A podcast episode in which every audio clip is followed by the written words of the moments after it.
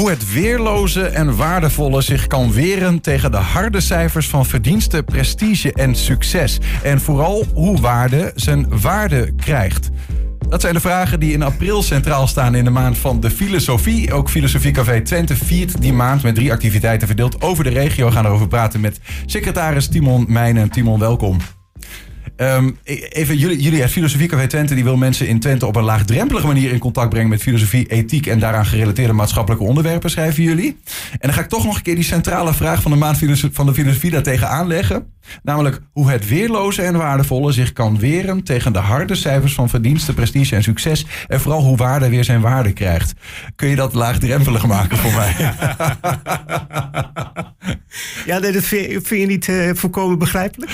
Ja, ik moet daar toch even tien keer uh, overheen lezen voordat ik dat uh, tot mij kan nemen. Of is dat ook een beetje de bedoeling? Nou, ik moet zeggen, dat is het thema van de maand van de filosofie. En dat is een landelijk, ja, precies. Een landelijk gebeuren. En wij haken daarop in, want we zijn een filosofiecafé. Uh, maar ik denk dat wij inderdaad misschien af en toe wat laagdrempeliger zijn dan de maand van de filosofie. in, ieder geval, in ieder geval in deze maand, denk ik. Is dat, maand eh, april. Eh, dat begrijp ik. We gaan zo meteen over drie uh, nou, hele concrete dingen, namelijk gewoon de activiteiten die jullie organiseren, uh, praten. Maar misschien toch even filosofie als gegeven. Hè? Dat het imago daarvan is natuurlijk wel een beetje, ja, dat is gezwam in de ruimte als mensen gaan filosoferen. Of niet? Hoe kom je erbij? Ja, gek is dat, hè? ja. Nee, ik denk juist dat het uh, uh, een kwestie is van uh, zindelijk denken, van goed denken. En filosoferen is, ja, daar komt logica bij kijken. Dus dat is helemaal niet gezwam in de ruimte. Ja. Dat is in tegendeel, zou ik bijna Maar hoe kan dat dan? Hoe kan het dat die tegenstelling? Want ik, ja, dat is, als ik, een vriendin van mij studeert filosofie. En als ik haar vraag, het gaat allemaal over argumentatie. Juist het goed opbouwen van wat je zegt. En dat goed staven. Ja. En toch is, is het gevoel van mensen altijd. Ja, ze zijn aan het filosoferen. Het gaat een beetje van links naar rechts. Nou, misschien dat dat wel aansluit op dat thema van de maand van de filosofie. Want uh, het waardevolle en het weerloze, daar moet je soms uh, ja, op een hele uh, subtiele manier over gaan nadenken. En dan moet je juist, uh, uh, juist heel goed over gaan nadenken en heel goed over praten met elkaar. om dat tot zijn recht te laten komen. Dus in die zin zou je kunnen zeggen dat, ja, inderdaad, filosofie. Um, ja, hoe moet ik dat zeggen? Kijk, voor mij is het, het is mijn leven, een beetje. dus ik doe het, ik doe het iedere dag en ik doe het graag. Maar wat betekent dat? Ik doe het. Zit je dan in een stoel met een sigaar en een fles whisky of zo? Er zijn allerlei vormen. Ik voer gesprekken met mensen. Uh, ik, uh, ik, organiseer dit soort activiteiten samen met een aantal andere mensen. Ik lees boeken. Ik, uh, dat, dat is filosofie ook heel veel. Uh, het is maar gaat het dan over nadenken? Ja, nadenken? Het gaat nadenken over de grote kwesties. Ja. En uh, dat kunnen maatschappelijke kwesties zijn. Hè, van, uh, we gaan in deze maand ook over democratie en burgerschap gaan we het hebben. Mm -hmm. Het kan, kan, ook over levensvragen gaan. Hè, van hoe ver gaat mijn verantwoordelijkheid ten opzichte van de mensen waar ik voor zorg? Uh, mag je liegen, een leugentje om best wil? Mag dat? Ja. En dat zijn ethische kwesties, die, uh, en, uh, conflicten tussen mensen. Wat, wat gebeurt er precies? En dat zijn allemaal kwesties die je ja, waar, je, waar je over na moet denken. Ja, en, met, een, met een conclusie, vraagteken? Of is het er soms ook gewoon ja, dat je ook aan het eind van zo'n sessie denkt van ja, ik vond het mooi, maar je moet me niet vragen wat de samenvatting van dit gesprek nou, is. misschien dat, dat zou wel mooi zijn als je samenvatting kunt geven, maar wat je natuurlijk wel, waar je wel op kunt stuiten, is dat je, het, dat je beter begrijpt waarom je het niet met elkaar eens bent. He, dus je, je hoeft niet het uiteindelijk met elkaar eens te worden. Maar je ja. begrijpt misschien wel beter waarom je het niet met elkaar eens bent. Ja. Welke argumenten iemand anders heeft. En dat gaat veel verder dan het schreeuwen van meningen naar elkaar. Doen we dat genoeg eigenlijk? Dan filosoferen, want we hebben het in deze tijd veel. Dat is een van de thema's ook uh, die, die voorbij komen. In een van die activiteiten, polarisatie, onrust in de maatschappij. Ja. Komt dat omdat we elkaar misschien te weinig begrijpen, dat we weinig praten over waarom we iets vinden? Nou, ik denk dat uh, uh, vroeger was filosofie in heel veel studies en heel veel opleidingen was dat een, een vak wat, wat gegeven werd. Hm. Uh, er zijn natuurlijk heel veel, er zijn veel bezuinigingen geweest enzovoort. En dan werd dit als een soort luxe beschouwd. Ja. Terwijl ik denk dat zeker ook in de politiek en zeker in het maatschappelijk debat. Uh, kunnen filosofen, kan filosofie een, een, een, hele belangrijke rol spelen. Juist in het verhelderen van standpunten, in het, uh, ja, wat jij ook zei, over zit de argumentatie wel goed in elkaar?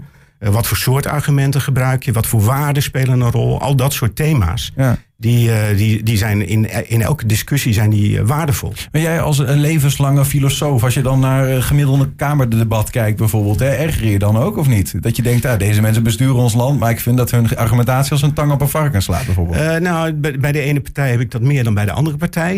ik noem geen namen.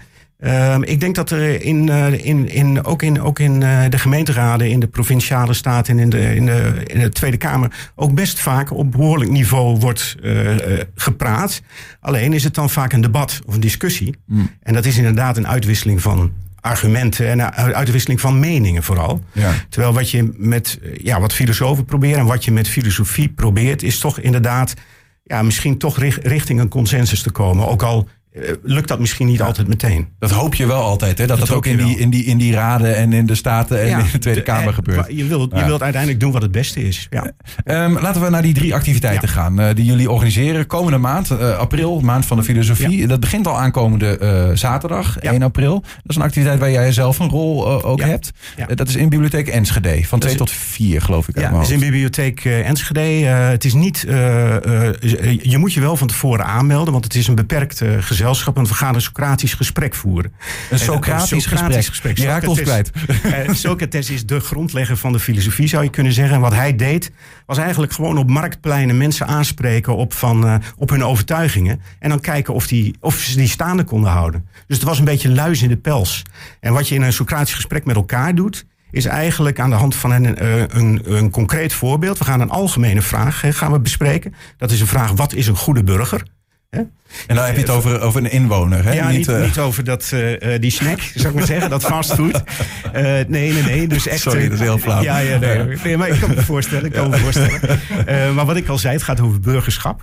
En dus wat is een goede burger? Ja, en dan zoek je eigenlijk met, met elkaar naar een, een concreet voorbeeld waarvan iemand zegt van nou op dat moment was ik, of was hij of zij, was een goede burger. En dan probeer je te bedenken, waarom vind ik dat nou eigenlijk? Waarom beoordeel ik dit als goed burgerschap? En uh, nou ja, goed, daar, daar, kun je allerlei, uh, daar kun je allerlei voorbeelden van. Uh, ga je tegels wippen? Hè? Dat is tegenwoordig in Enschede. is dat goed burgerschap? Tegels eruit, groen erin. Tegel, tegels eruit, groen erin. Um, en wanneer, waarom ben je, ben je dan een goede burger? Ben je dan een goede burger omdat je doet wat de gemeente graag wil? Ben je een goede burger omdat je zelf een opvatting hebt over hè, dat het duurzamer moet worden of groener in de. Hè, dus, en dan zo probeer je eigenlijk op grond van zo'n hele concreet voorbeeld probeer te achterhalen. Wat zijn nou eigenlijk de, de, de, ja, de argumenten voor je oordeel? Ja. Dan, dan, toch, ja, misschien is dat ook weer eh, heel erg. Als je het concreet maakt in de, de resultaten die zo'n gesprek oplevert. Uh... Ja, dan probeer je eigenlijk te komen tot een antwoord op die vraag: wat is een goede burger? En dan, hè, dus in de vorm van een goede burger is iemand die. Ja. En dan probeer je het met elkaar over eens te worden aan de hand van dat concrete voorbeeld. En hebben vooral de mensen die meedoen, hebben die daar wat aan? De verrijken die zichzelf of doe je daar ook nog wat mee dan? Is dat... dat zou je kunnen doen, maar, je, maar het is inderdaad in de eerste instantie voor de deelnemers. En uh, maar je kunt je voorstellen dat, uh, kijk, dit is vrijblijvend. Maar Socratische gesprekken vinden bijvoorbeeld op dit moment grootschalig bij de Rijksoverheid plaats. Daar ben ik ook uh, zijdelings bij betrokken. En dan gaat het echt om nadenken over van wat is een goede ambtenaar? Hè? En, uh, en wat is een goede, wat is een goede bestuursdienst? Ja, en waarom eigenlijk? En, nou ja, en, en, en de overheid, de Rijksoverheid, heeft natuurlijk nogal wat problemen ja. gehad. En die hebben te maken ook met moraal. Van, van, de, hou je, doe je wel het goede? Ja. En, uh, en, um... nou ja, want dat, dan kom je vervolgens op een, op een uh, conclusie misschien wel. Uh, dan is de vertaalslag naar de praktijk blijkt ook in, nou ja, even het hele concrete soms heel lastig. Dat blijft, blijkt lastig, maar als je inderdaad met een team of een organisatie zo'n Socratisch gesprek voert, dan kan dat wel leiden tot een soort missie. Van, ja. van zo willen wij te werk gaan. Ja. En, dat kan, en dat kan mensen toch stimuleren, inspireren om dat is te doen. Aankomende zaterdag. Dus van 2 tot 4 in de bibliotheek in Enschede. Aanmelden dat kan via secretaris.filosofiecafé20.nl. Zeg ik maar alvast erbij. Ja, um, we hebben er nog twee te gaan. Dus laten ja, we even ja, door. Lezing, kwetsbaarheid, uh, lezing over de kwetsbaarheid van de democratie. Die is, moet ik even zeggen, 13 april uh, in Cultuurhuis in Borne. Ja. Uh, daar zijn wij regelmatig op zondagmiddag. Maar nu zijn we er ook een keer op een donderdagavond. Uh, en uh, dan komt uh, een emeritus hoogleraar, een oud hoogleraar hier van, van de UT, op het gebied van politieke wetenschappen. En die gaat vertellen over van, is de democratie kwetsbaar? We denken dat dat zo is. Ehm, en ik, hij, hij vindt dat ook. Maar hij, wil, hij gaat vertellen van hoe dat is ontstaan, hoe erg het eigenlijk is, hoe dat is ten opzichte van andere landen. En wat, wat ook natuurlijk belangrijk is, van wat kunnen wij doen om de democratie weer te verstevigen. Ja. En dus al die dingen komen aan de orde. Daar gaat dus ook die, waar we net al even, nou ja, kort misschien al zijdelings over hadden. Onvrede in de maatschappij, ja. polarisatie. We horen zelfs reclames op tv hè, van Sieren, van uh, nou, let wat meer op elkaar. Ja, ja. De, eigenlijk, daar gaat het over, hè? onvrede. Waar komt die vandaan en wat is het gevolgen van? Ja, en dat is, uh, die bijeenkomst is dus meer zoals wij normaal gesproken ook de filosofie uh, café bijeenkomst hebben. Dus een lezing van een uur. Uh, een pauze waarin we ook even onderling praten, drankje. Ja. En dan uh, vragen, discussie met de zaal. Wat voor mensen komen daarop af? Voor, um, voor wie is het? Is het echt voor iedereen? Het is in principe is het voor iedereen. Ja. En uh, um, ik kan niet ontkennen dat uh, we, we af en toe best veel oudere mensen hebben. Het zijn ook mensen die misschien dan inderdaad tijd hebben om meer na te denken. Maar gelukkig komen er ook jongere mensen. En dat hangt ook van het thema af natuurlijk. En ik denk dat dit een thema is wat, wat, wat jong en oud. Ja. Wat voor jong en oud belangrijk is. De, de, de, de spreker die avond, hè, de Jacques Thomas, is Jacques beschreef al even, ja. professor, dokter. Die, die zegt eigenlijk het, het gevolg van onvrede in de maatschappij is populisme. De, de, als in populisme komt vanuit die onvrede. Nou ja, dan zeggen, zullen mensen, sommige mensen zeggen bijvoorbeeld de, de megawinst van BBB met de afgelopen Provinciale Statenverkiezingen is ook een beetje zo'n partij die zinspeelt op de onderbuik, bij wijze van. Hè? Dat is wat populisme dan in mijn hoofd in ieder geval zou zijn. Um, uh, ja, ik weet niet of jij daar als filosoof uh, hier uitspraak over doet, maar hoe kijk je daar tegenaan? Is dat een probleem? Is dat een gevaar? Of? Um, nou, kijk, het gevaar is dat, dat zeg maar de standpunten, ook de standpunten van de BBB, versimpeld worden. En, en dat op die manier zeg maar, de nuance in het debat verloren gaat. En dat doen eigenlijk alle politieke partijen natuurlijk. Want je moet het ook inderdaad op een bepaalde manier eenvoudig houden. Maar ik denk dat, uh, dat uh, professor Thomassen uh, op die betreffende donderdag 13 april... dat die daar inderdaad meer over gaat zeggen. En ja. dat hij ook zegt, want populisme is ook meer... Mis, is, heeft iets inderdaad, wat jij ook zegt... het heeft iets van misbruik maken van zorgen... van hele reële zorgen in de samenleving... door ja, te komen met misschien te eenvoudige oplossingen. En dan zeg ik nog niet welke partijen populistisch zijn. Hè? Ik bedoel, uh, jij komt nu met een partij, maar... Nee, Helder, dat, die, ja. is op mijn naam. Maar dat wordt, ja. wordt door sommige mensen gezegd. Hè? Ja. Uh, zo kennen we nog wel meer van. Uh, nou, goed, dan, dan is het ook inderdaad de vraag... wat is populisme? Daar heb je net een, een duit in het zakje gedaan. Wat is het eigenlijk? Um, daar, over die sessie, dus op 13 april... s s'avonds van half acht tot half tien... Zijn daar kosten aan verbonden, aanmelden? Hoe werkt dat? Dat kan via de site van het Cultuurhuis Borne. En uh, dat, die, die avond kost 12,5 euro. Helder. Okay. En voor studenten 5 euro, zeg ik dan ook meteen. Hè? Want ja, die wil je ook graag, we hebben graag studenten hebben. erbij. Ja. We hebben ja. nog één te gaan, een filosofische wandeling. Je gaat naar buiten. Ja, ook. ja. Nee, dus ook voor het eerst dat we dat doen. Ik geloof dat het voor de vierde keer is dat het op het programma staat. En drie keer niet doorgegaan vanwege corona. Um, en toevallig eigenlijk, want we, sommige ging, dingen gingen dan wel door, maar deze wandeling niet. Ja, het aardige is van, het heet het lang heet. Ik dacht ook altijd lang heet, maar het heet het lang heet. En dat is een, een heel bijzonder natuurgebied bij Haaksbergen. Ja. Uh, en uh, de directeur daarvan, uh, dat is een filosoof, Erik Brinkman. Die heeft ook verschillende boeken geschreven over uh, de filosofie van het wandelen, filosofie van het landschap.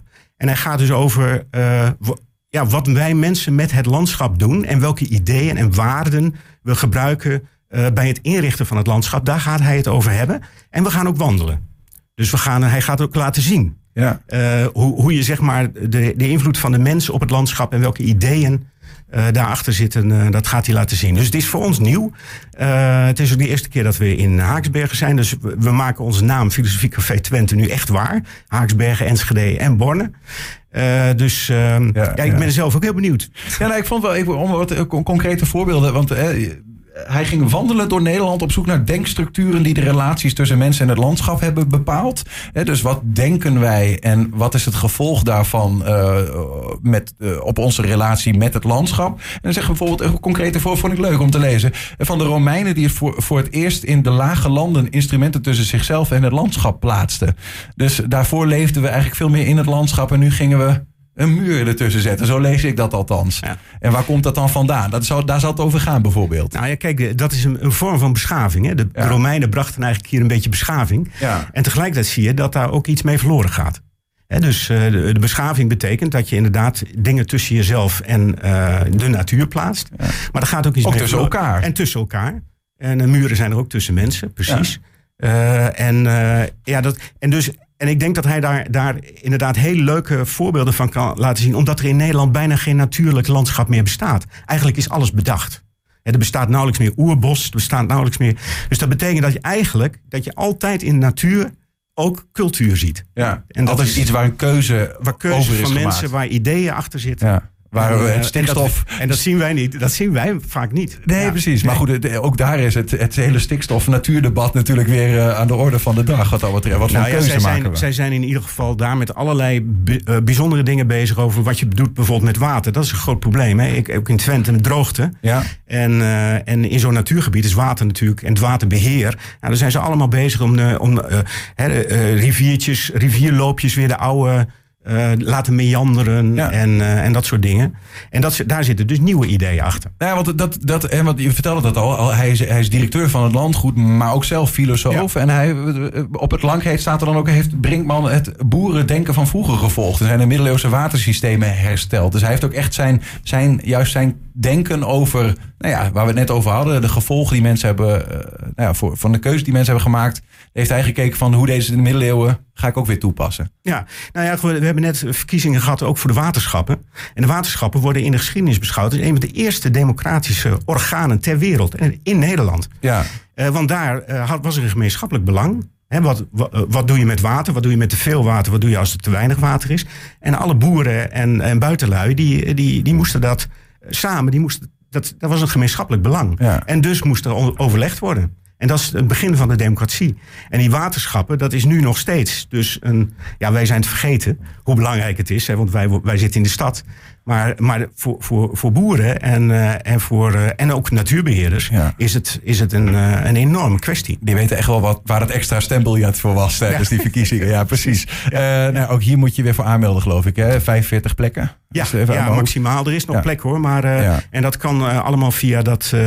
mag ik het ook nog een Ja, hoor, zeker. Ga je gang. Secretaris.filosofiecafé20.nl. Ja, precies. kan ook via onze site. Ja, die website zou je waarschijnlijk wel meer kunnen vinden als je nou bent. Filosofiecafé20.nl. Ja. Dankjewel, eh, Timon Meijner, voor, voor je uitleg. Ja, jij eh, bedankt Ja, voor eh, succes. deze gelegenheid. De komende maand met de, de maand van de filosofie. Eh, Gefeliciteerd alvast daarmee. Ja, oké, dankjewel.